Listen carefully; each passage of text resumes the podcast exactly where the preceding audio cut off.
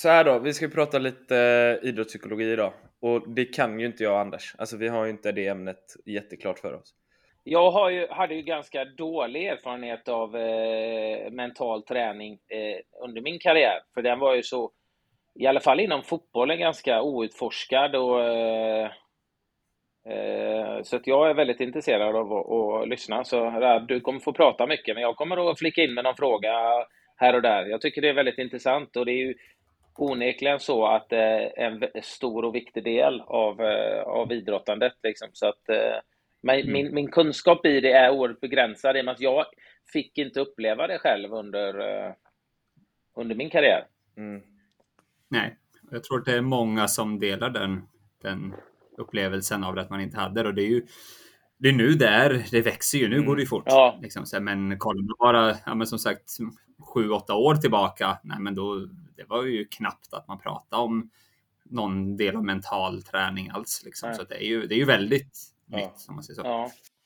Nej, vi, vi ska dra igång och, och det gör vi genom att hälsa Raib Mufti varmt välkommen till Skillspodden.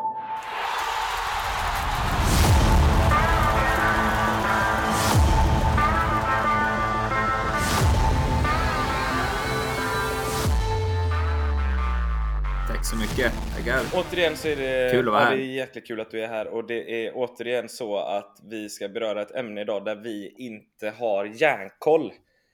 Eh, det vill säga vad som helst förutom fotboll. Eh, och då är det ju idrottspsykologi då. Som du är proffs på, yes. vilket är sjukt skönt. Eh, så att vi kan snacka lite med dig om vad det är för någonting. Eh, och hur det ska tas framåt och hur vi jobbar med det och så vidare. Ehm, men jag mm. tänkte mm. att du kan väl få eh, presentera det lite kort? Yes. Ja, ja men eh, Raheb heter jag precis som du sa och jobbar som idrottspsykologisk rådgivare.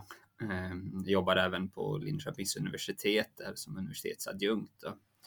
Ehm, men eh, ja, jag jobbar både med lag och tillhör ju Bayerns damlag i damallsvenskan. Och sen jobbar jag med en hel del klienter som jag jobbar individuellt med. Eh, och då är det mestadels inom fotbollen, men jag har några inom andra idrotter också.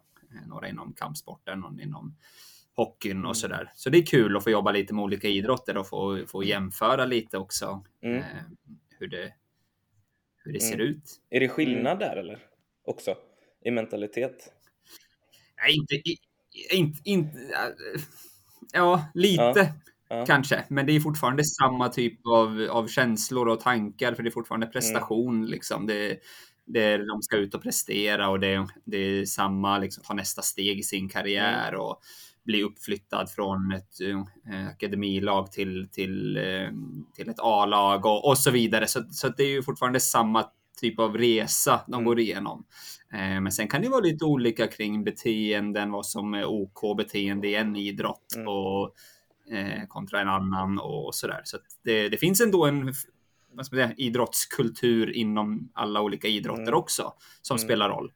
Eh, men överlag skulle jag säga att det är ändå ganska lika för de är ute efter samma sak alla att nå elitidrotten, mm. i alla fall de jag jobbar med. Fattar, fattar. Eh, ja men bra, då, då har vi lite bättre koll på, på eh, vem du... Jag och Anders ska säga att vi har ju rätt bra koll på dig med tanke på att du också eh, jobbar med oss eh, som en del i vårt 360-perspektiv på skills då. Eh, för att, som sagt, vi behöver proffs eh, och du är ett proffs. Vi kan inte idrottspsykologi, mm. så vi är superglada för det. Verkligen.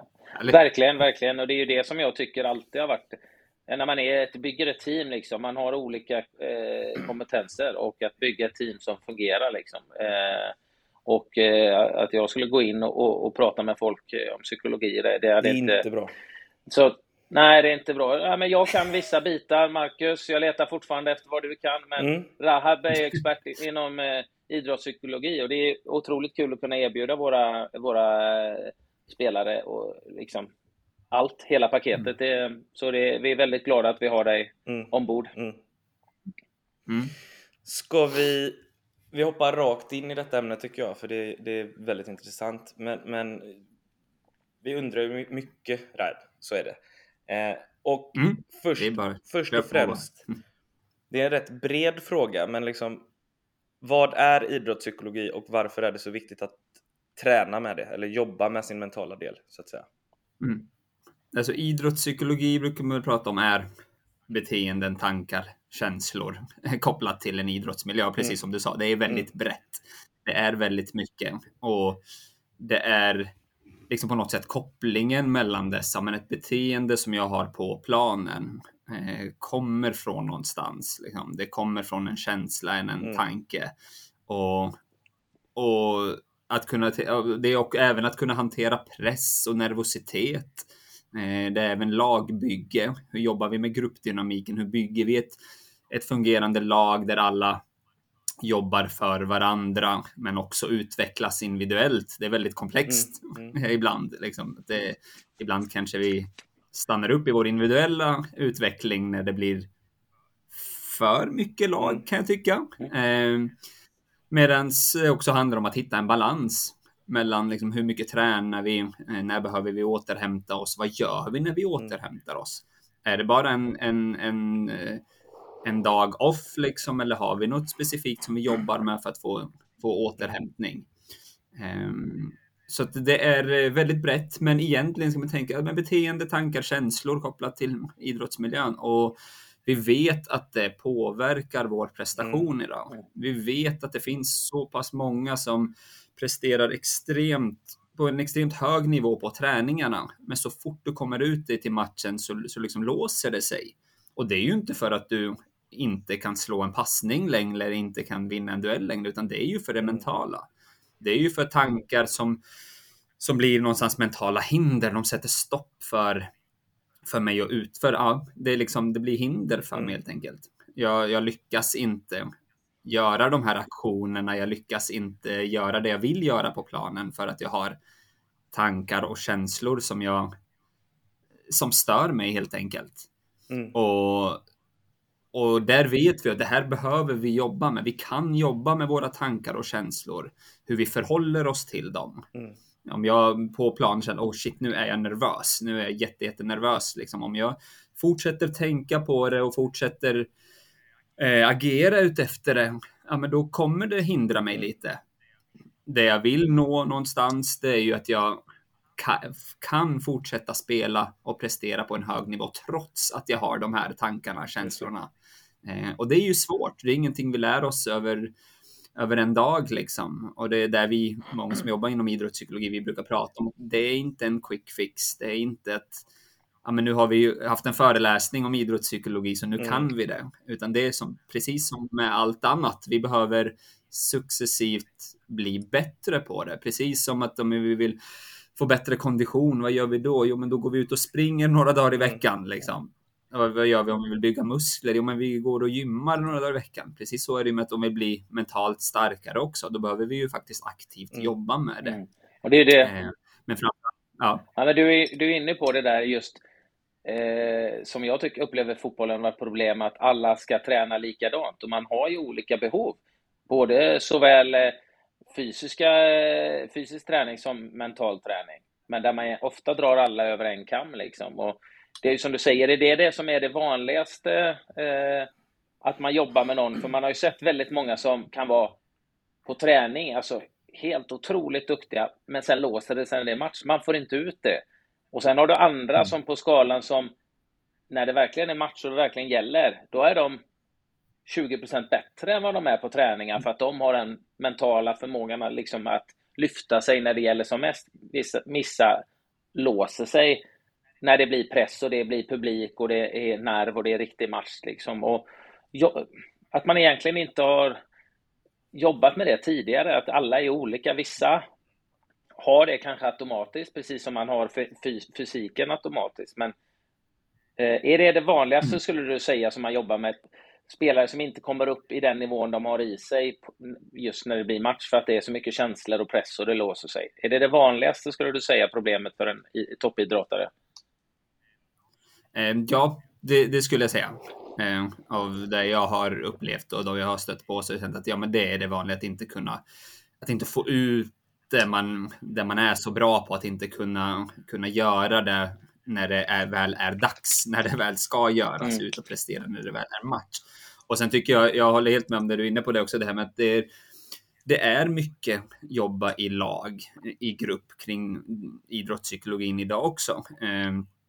Och det kan ha att göra med olika saker, bland annat resurser såklart. Mm. Att har man resurser så att, så att jag kan, det finns någon som kan sitta med enskilda spelare, det är ju ändå 20 personer liksom. Um, och, har man, och vissa har det och då, då går det ju, men majoriteten som jobbar med idrottspsykologi i lager har ju inte det. Eh, och då blir det lätt att man tar in någon som håller en workshop två, tre gånger under en säsong. Och då blir det ju inte så mycket individuellt. Liksom. Eh, så att jag tror att det handlar om väldigt mycket vilka resurser man har. Eh, och det ser så himla, så otroligt olika ut eh, i idrotter och föreningar. Mm.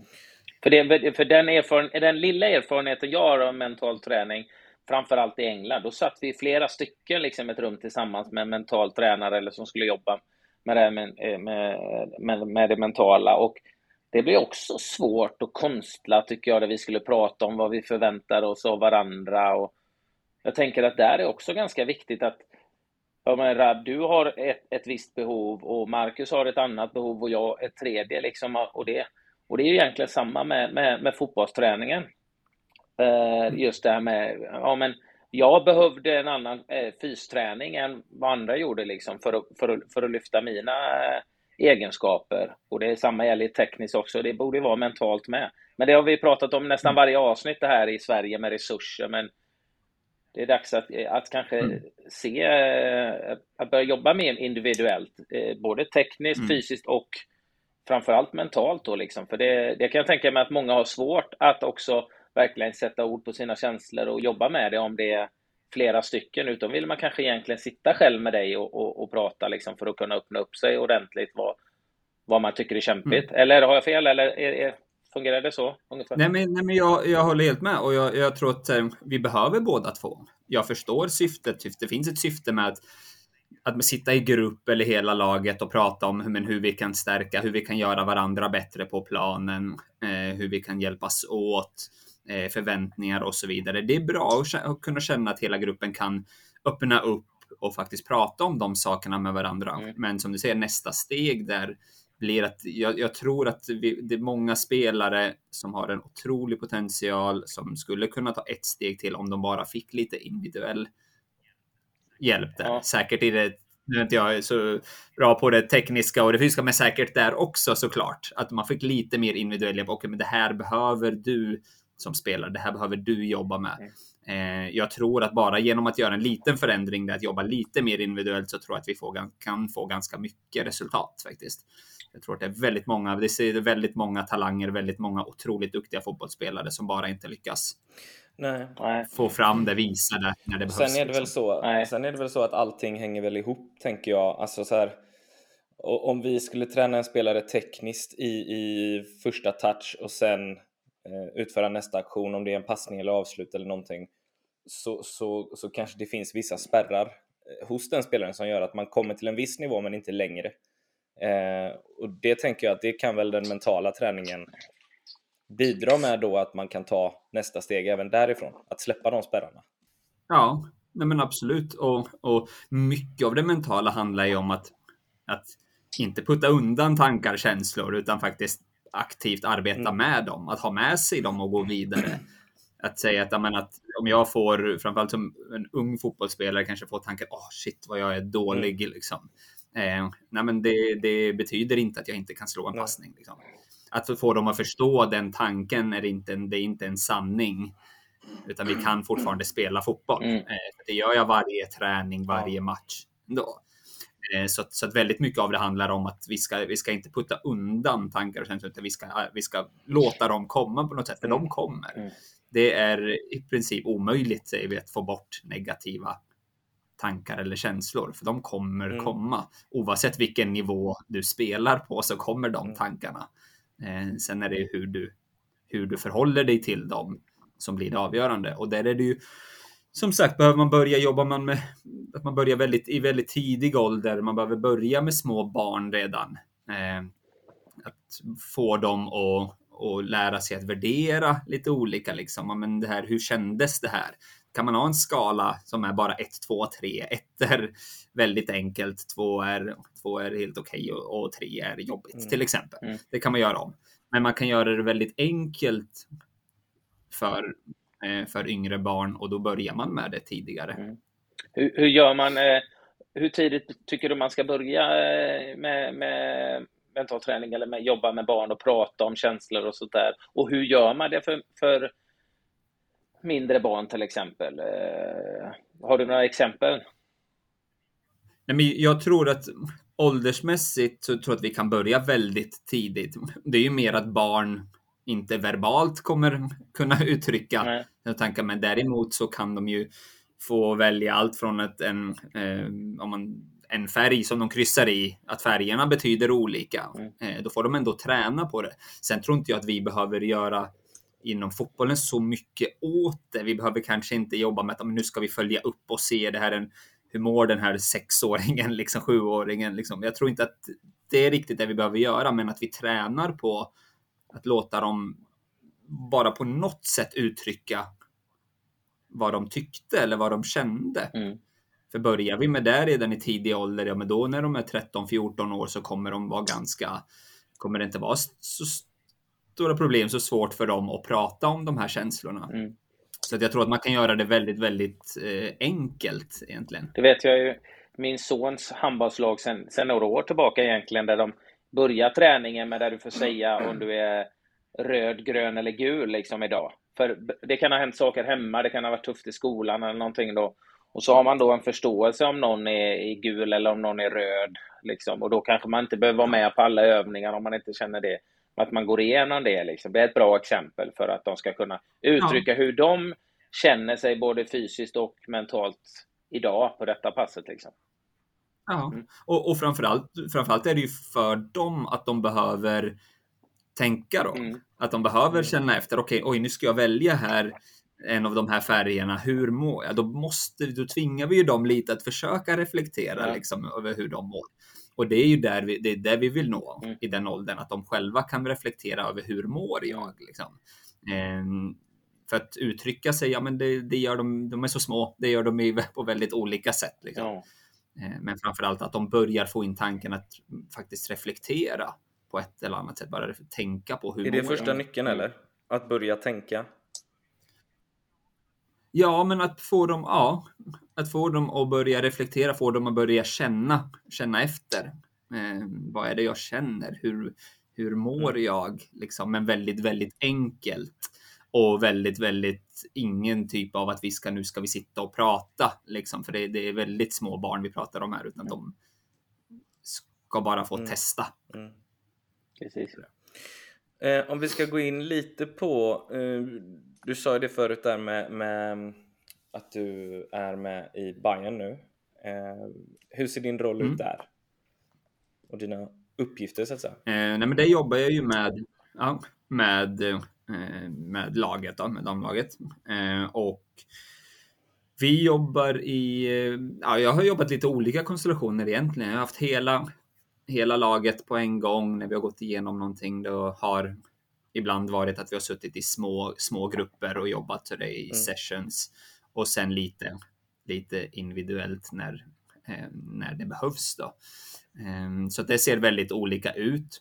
Eh, men där finns jag ju tillgänglig i och med att jag är med dem så finns jag ju tillgänglig hela tiden. Så då kan vi så fort vi känner att om nu här behövs det någonting så kan vi ta tag i det och mm. jobba med det. Mm. Så det är, så det är ju mig, ja, mig mm. staben där liksom har daglig ändå kontakt där så att jag ser hur, det, hur, det, hur spelarna mår och, och, och, vad de behöver för, för stöd och vad, vad de behöver för att bli mm. ännu bättre. Um, så det är, ju, det är ju det som blir det när, när du kan ha någon som är tillgänglig som en del av, av staben. Liksom. Och det är ju, så ser det ju tyvärr inte ut um, i föreningarna liksom i Sverige eh, idag. Det gör Nej. det ju inte. Nej, det är en eftersatt resurs va? Ja, men det är det verkligen och jag tror att det handlar om allt från prioriteringar till kunskap. Mm. jag tror att det finns väldigt många tränare fortfarande som upplever att men det här kan jag, kan jag lösa. Liksom. Mm. Eh, och, och en del kan de säkert lösa, men, men det är det är mycket mer än vad vi tror oftast. Mm. Det är mycket mer att jobba med än vi tror. Och, men jag tror att det är prioriteringar många gånger. Det upplever jag. Jag upplever att det blir lite så att det ska släcka bränder. Många av de förfrågningarna jag får som kommer in ibland från föreningar, från, från lag och det är oftast ungdoms, barn och ungdom. Då. Eh, och då är det så här, men just nu så, så känner vi att vi, laget presterar inte så bra. Ja, då ska jag komma in och, och jobba med dem två, tre gånger. Mm. Eh, och sen så ska jag därifrån. Så det, det är lite släcka mm. bränder mm. på något sätt. Istället för att jobba förebyggande, mm. istället för att jobba långsiktigt med att de, de lär sig det här. Eh, återigen, många olika faktorer till det, men jag tror att vi måste börja inse, vi måste börja inse att det här är en så otroligt viktig del för att kunna prestera på en högre nivå. Så att det behöver, vi behöver lägga, lägga fokus på det och mer resurser på det också. Hur har det sett ut i din karriär Anders, med denna delen? Ja, det har ju varit nästan till obefintligt skulle jag säga. Och det är exakt som Rab säger. Om det är så, så har det ju tagits tag i det när det är för sent redan nästan. Eh, lite som du säger, släcka bränder. Är det någon som har haft problem så har, har, den, har de kanske i, i en elitklubb där det finns kanske vissa resurser om man har en spelare, ja, då, då hjälper man den spelaren att ta, ta kontakt med en, en psykolog eller, eller en, ja, någon rådgivare. Men det är ingenting som har implementerats i, i eh, den dagliga verksamheten och att man gjorde något förebyggande arbete, utan det försöktes ju i England, som sagt, när jag var där. Då hade vi en, eh, eh en idrottspsykolog som var med och eh, där vi satt i, i grupper och egentligen, för, vad var förväntan? Det var ofta kring matcher. Så då kunde vi, om vi var fyra mittfältare som skulle spela, då skulle vi sitta där, så satt hon och, och, och frågade oss, och Anders, vad förväntar du dig av de tre idag på matchen? Liksom? Ja. Mm. Och jag tyckte det var jättesvårt och jätte...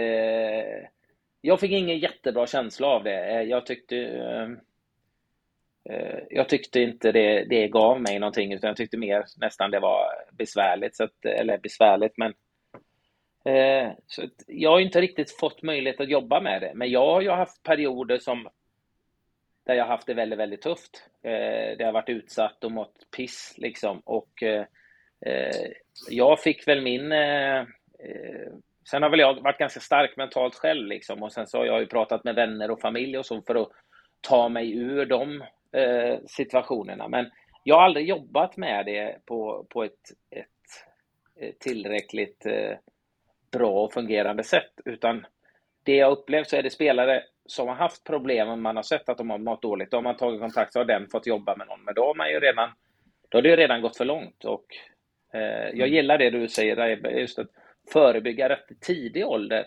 Att se till att barn och ungdomar får prata så att de får lära sig sätta ord på sina känslor och att man ska acceptera tankar och känslor och bearbeta det. Får man mm. göra det i en tidig ålder redan, det liksom, bli förstå, införstådd med det, hur viktig del det är, så blir det ju lättare mm. sen att hantera och jobba med det när man, när man eh, då blir äldre och det blir kanske lite mer på allvar på elitverksamhet eller vad det nu är. Mm.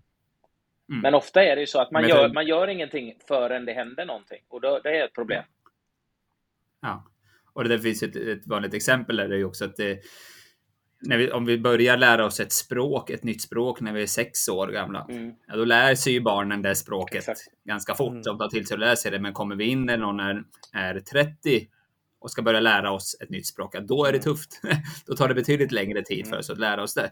Och så är det med idrottspsykologi. Det är ju ett, ett typ av nytt språk på något sätt. Vi börjar prata om något nytt inom som vi inte har pratat om innan. Så att det är och det är väldigt svårt. Därför är det så otroligt viktigt framförallt som säger, att jobba, börja jobba med barnen redan, redan nu. Och det behöver inte vara så mycket. Jag tror att det upplever många också att det är oj, det är så himla svårt det här. Vart ska jag börja? Hur ska vi göra det? Mm. Nej, men alltså det är ju små, små steg. Det är små grejer. Låt dem bara få värdera. Låt dem bara få prata, sen gör någon liten lek där man ska prata också. Mm. Eh, eller direkt efter en träning eller direkt innan en träning eller en gång i veckan. Så det behöver ju inte vara så mycket, Nej. så mycket heller. Eh, men jag tror att det är många som upplever fortfarande idag att men det kan jag lösa på egen hand. För det är lätt att förstå i teorin tror jag att många tycker. Att men det är lätt att förstå att om ett beteende, att jag hela tiden skäller på domaren kommer från en känsla eller en tanke, alltså en känsla av frustration. Så det är det som kommer mm. ja, men Det tror jag att de, de flesta förstår. Eh, sen hur man ska jobba med det, det är där jag tror att det blir lite okej, okay, men hur, okay, hur ska jag göra nu då? Eh, så att man tror att bara för att jag har förstått det så kan jag det. Men så är det ju inte. Så är det ju inte med styrketräning heller. Bara för att jag har förstått hur jag ska styrketräna så blir jag ju inte starkare, utan jag måste ju, måste ju styrketräna också. Mm. Men hur, hur upplever du, Raiba, att det är? För det är såklart en resursfråga, men det är också en vilja om att eh, kan jag tycka, en, en viktig resurs som man kan eh, göra på olika sätt ut efter förutsättningar för, för de olika föreningarna. Men hur fungerar det i akademier till exempel uppe i Stockholm? Ungdomslagen, där finns ju många, Hammarby, Djurgården, AIK, BP till exempel. Jobbar de med idrottspsykologi för sina ungdomslag regelbundet eller kommer det högre upp i åldern? Eller hur funkar det? Det, eh, det ser nog väldigt olika ut. Jag tror, eller min upplevelse är att det inte jobbas så mycket med det. Det kommer antingen upp när de kommer upp till, till eh, herr damlaget. Eller att det är i lägre ålder. För i lägre ålder tycker jag att det är fler och fler som ändå börjar. Jag börjar uppleva att det är fler som hör av sig. Jag börjar se det lite mer att vi, ja, men vi med våra 10-åringar, 11-åringar här och börjat jobba med det här som har mot den mentala delen att göra. Mm, mm. Eh, men det är någon mellanålder där tror jag, när de ska matchas och spela så extremt mycket fotboll. Ja. Eh, och det är mycket matcher och uttagningar och så vidare. Där är det någonstans, ja men akademin, precis innan man kommer upp till herrdam, där upplever jag att nej, där, där jobbas det inte så mycket med det, med det mentala ändå. Men återigen, det kan se väldigt olika ut från lag till lag och jag vet, vi vet ju bara inom olika, de olika lagen hur många olika lag det finns inom en och samma akademi. Liksom. Ja. Eh, så så det, det, ser olika ut, men eh, ja, det, det, jag tror ändå att i barnidrotten så börjar det ändå hända saker. Det är fler och fler som ändå lyfter det. Jag är inne på ganska många olika forum så där på nätet där det samlas allt från föräldrar till tränare liksom och så där tycker jag att jag ser oftare och oftare att det diskuteras idrottspsykologi eller mentala Fan, delar. Liksom. Mm. Det är jättebra att man tar in och jobbar med det eh, tidig ålder som du säger, för att man jobbar med förebyggande liksom. Precis som vi har pratat om här. Det är jättebra. Det är kul. Mm, det är Hoppas att mer tar in det, precis som man jobbar med, med teknik och fysik i olika åldrar så är det viktigt att man börjar med att få barn och ungdomar att förstå det här med psykologi också. Mm. Ja, men det, och det, det, tror jag. Sen tror jag att det fortfarande går lite långsamt. Mm. Um, om man jämför med andra länder och det, så tror jag att vi fortfarande är det går, det går lite långsamt. Det, det är en liten... Det är Sverige. Det är så det ska vara. Ja, ja, ja, men, det, ja nej, men det, det, är liksom, det är lite försiktigt och man tycker att ja, men nu borde vi ju förstått att den mentala biten påverkar extremt mycket. Nu måste vi börja få in den. Nu ska den ju in i alla föreningar och, och på ett eller annat sätt. Liksom. Mm. Um, men uh, ja, långsamt men, men framåt i alla fall. Det är ju positivt att det går framåt, så är det negativt men typiskt känns det som i Sverige att vi är lite försiktiga. Det är så, ja, kan vi göra det här nu? Och, det ska analyseras fram och tillbaka, men det är ju ändå kul att det går framåt. Ja, viktigt. Ja. viktigt.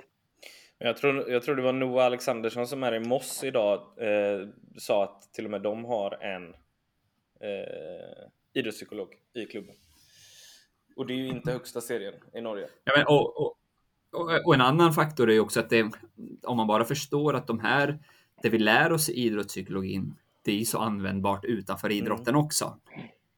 Det är ju, vi fostrar ju, vi, vi hjälper ju barn att hantera känslor och motgångar. Liksom, det är ju inte bara inom fotbollen eller inom idrotten de kommer använda det, utan det kommer ju användas utanför. Det kommer användas i skolan. Ja, men när du hamnar efter i några olika ämnen, eh, så, hur att du ändå kan, även fast det känns jobbigt, så kan du fortfarande göra dina uppgifter för att komma ikapp. Mm. Liksom. Eh, så det är så användbart i, i, i allt mm. i livet. Liksom. Eh, så det är som barnen får psykologisk hjälp redan i ung ålder för att kunna hantera olika mm. situationer. Jag fattar. Mm. Otroligt intressant. Vad, vad, om, ehm, det kanske är svårt att svara på det här, men, men är det något liksom som du kan skicka med till, till de som lyssnar? Alltså hur, hur, vad är det enklaste sättet att börja jobba med sin mentala träning? Om man till exempel känner en viss press inför match eller, eller sådana saker. Det enklaste sättet är nog att, skulle jag säga, börja skriva. Skriv upp vad det är du känner och vad det är, vart du tror att det kommer ifrån.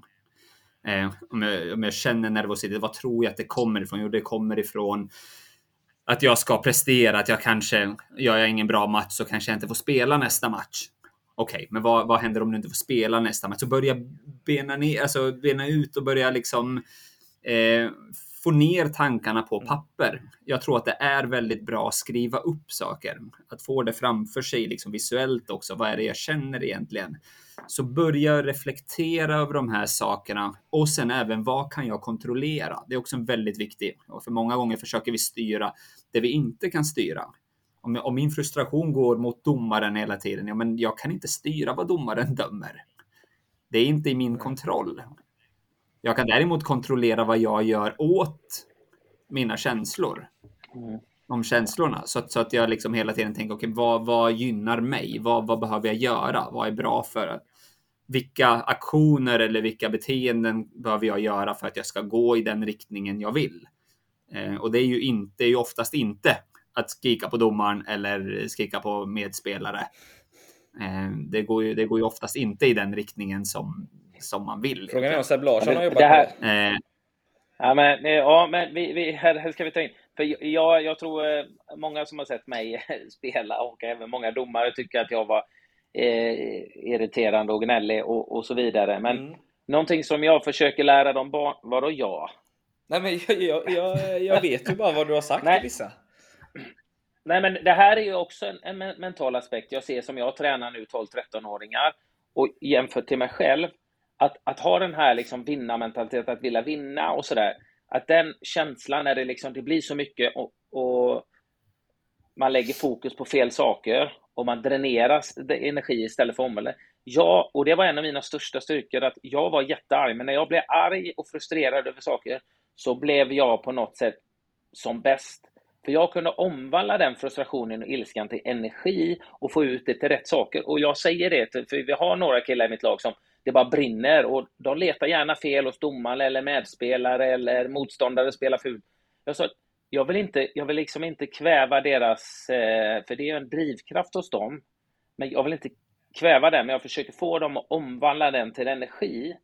Så det här med frustration på andra, på domare och sånt där, det behöver inte vara fel, men det handlar det är ingen idé och du behöver ju få den en, eh, liksom, ilskan till någon energi så att den driver dig framåt istället. För annars drar den ju ner dig. Men har du den drivkraften i dig, att du vill liksom prestera, du vill göra det bra och det blir ilska, så kan du omvandla det till energi. Men det är också någonting som man får bearbeta med och jobba med såklart. Mm. Ja, men precis. Och he alltså hela tiden tanke på så länge det gör mig, alltså att göra att jag går i den riktningen jag vill. Mm.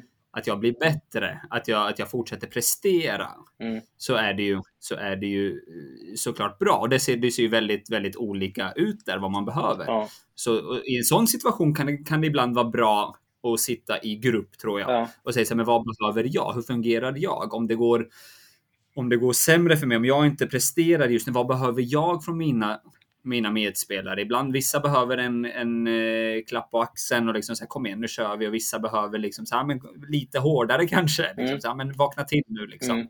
Eh, och sånt är det så viktigt för där är vi olika och där måste vi, måste vi få vara olika.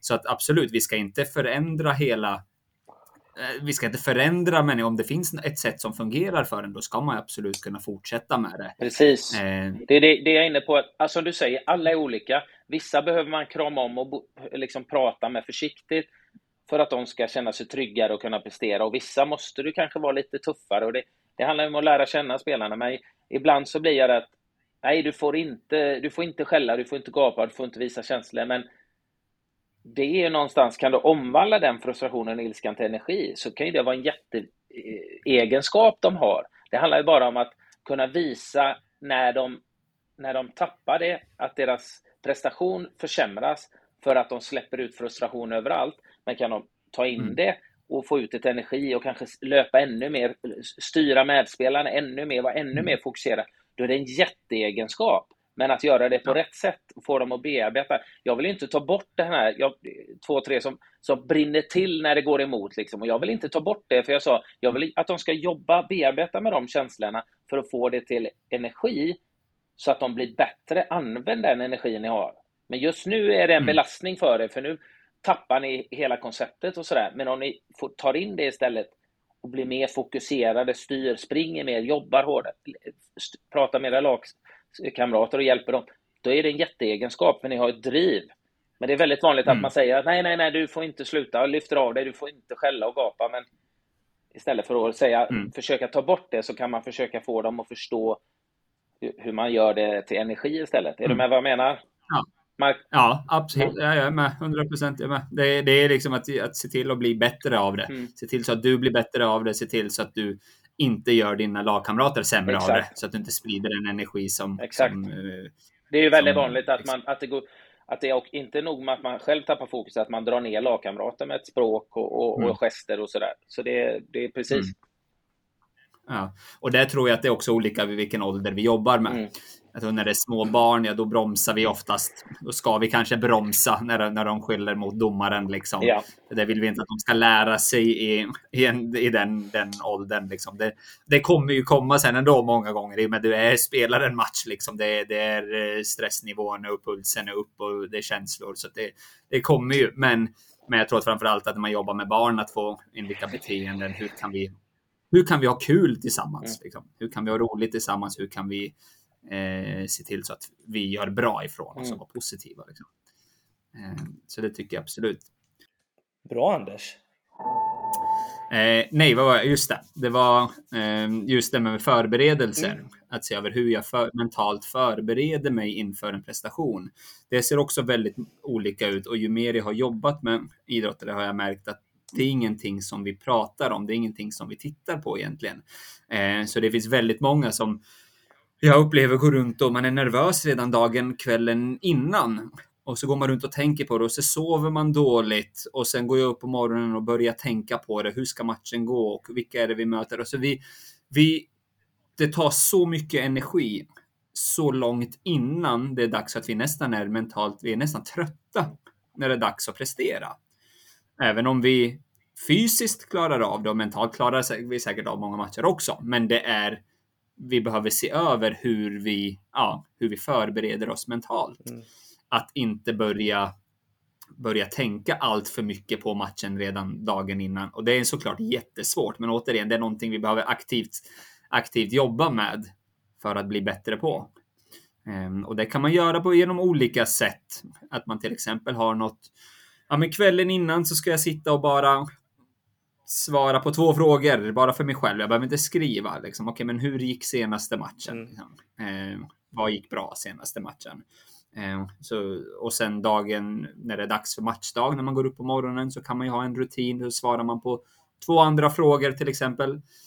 Men framförallt det jag vill skicka med att man kan göra på väldigt många olika sätt. Men att man börjar fundera över, är mina rutiner inför match är de bra? Mm. Eller är det så att jag tänker så mycket på det att jag är, jag är helt slut när det väl är dags för match? Mm, liksom. Mm. Ja, det kan bli så istället, ja, att man tänker för mycket på det. Så då kan det vara bra att begränsa det till att ställa två frågor till sig själv.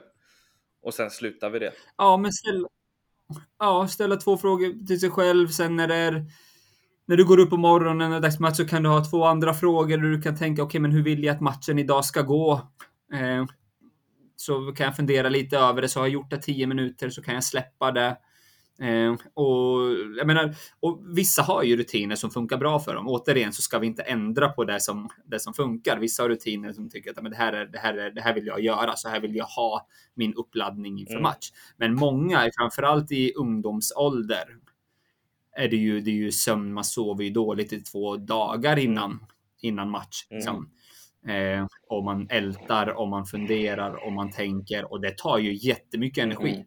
Det tar så mycket energi att där, där kroppen blir också trött mm. av det. Just det. Eh, så att man hela tiden funderar över vad, vad har jag för vanor egentligen? Mm. Ja, det är smart. Det är intressant. Eh, du, eh, eh, jag vill bara, vi, vi har inte jättemycket programtid kvar idag, men du har ju pushat för en utbildning för föräldrar som du kommer dra igång hos oss.